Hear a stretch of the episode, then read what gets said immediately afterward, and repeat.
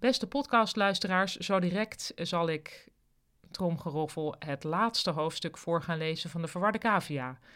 Deze hele zomer heeft in het teken gestaan van het voorlezen van mijn eigen boek. Ik vond het leuk om te doen. Ik hoop dat jullie het ook leuk vonden om naar te luisteren. En uh, even één dingetje. Je moet niet je abonnement opzeggen nadat ik hiermee klaar ben. Want er komt misschien nog een verrassing.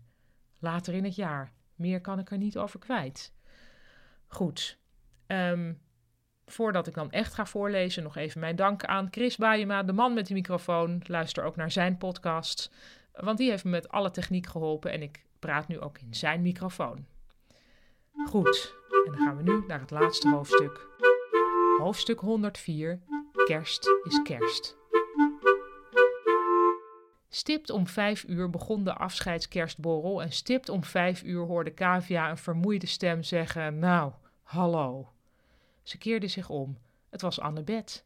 Ze had haar hond met de nierstenen bij zich, gelukkig wel aan de lijn. Wie zou haar hebben uitgenodigd? Vast Kim. Kavia had er zelf in ieder geval niet meer aan gedacht. Hé, hey, Annabeth, zei Kavia, en ze wist meteen verder niets meer te zeggen.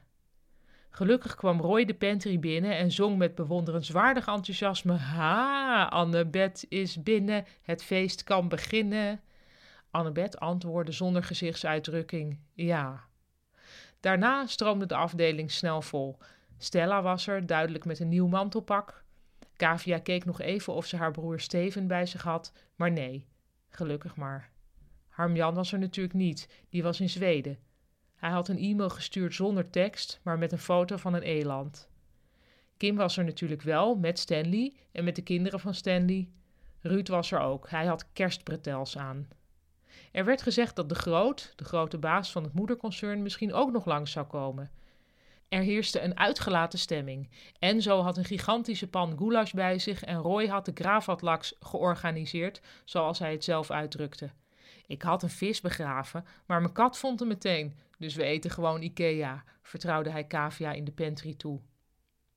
Kavia ging rond met de iets wat taaie soesjes. Ze kwam Marja tegen, die even bij hun afdeling had gezeten, maar weer terug moest naar de distributie. Dag Kavia, riep Marja. Zo zie je elkaar nooit. Zo zie je elkaar op de kerstborrel. Hoe is het nu met je rug? vroeg Kavia. Ik heb je nog geprobeerd te bellen, maar ja. Tja, de distributie is de distributie, riep Marja.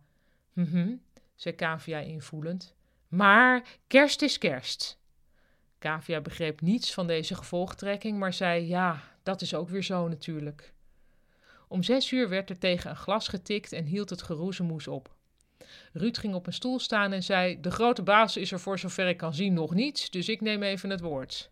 Gejoel. Ja, nou, wacht maar, zei Ruud. Even in zijn algemeenheid. Goed bezig geweest allemaal. Het was een traag jaar, kunnen we niet ontkennen, maar we hebben denk ik wel met z'n allen een punt op de horizon gezet.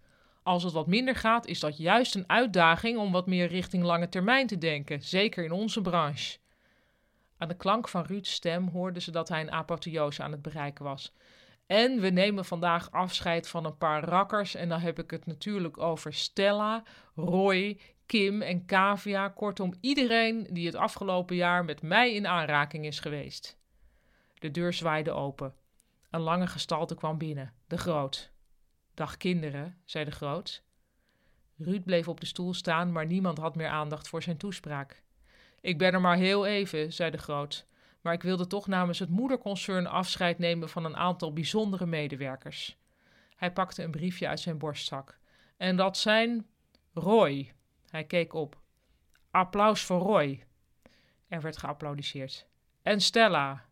Weer applaus. En Kim. Applaus. En Kavia. En zo begon hard te joelen. Sst, zei Kavia. Ze ging dichter bij hem staan. Kavia, waar ben je? zei de groot. Hier, zei Kavia.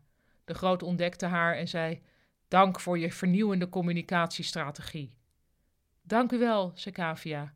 Ze voelde zich alsof ze bij Sinterklaas was geroepen. En dan zou ik nu alweer zo'n bakje goulash lusten, zei de groot. Later op de avond stond Kavia in de pantry met Enzo. Ruud kwam erbij staan. En waar gaan jullie dan eigenlijk heen in die bus? vroeg hij. Naar Hongarije? Nou, daar hebben ze al best veel goulash, zei Enzo rustig. Onze eerste stop wordt Vaals. Vaals? Het drielandenpunt? vroeg Ruud. Daar zijn toch alleen maar bussen met bejaarden en gehandicapten? En laten die nou net heel erg van goulash houden, zei Enzo. Er is een Alpenfestivalletje daar, dus daar passen wij prachtig in. Hè, Kaaf? Hij trok Kavia naar zich toe. Twee Alpencavia's op avontuur? Kavia knikte. Ze staarde naar de koffieautomaat. Ze had de neiging het apparaat te aaien. Toch geen tranen, Kaaf, zei Roy, die ineens met een fles Prosecco naast haar stond. We gaan met opgeheven hoofd de toekomst in, hoor. Ja, weet ik, zei Kavia. Vind ik ook. Maar er verandert zoveel. Verandering is goed, zei Enzo. Let maar op.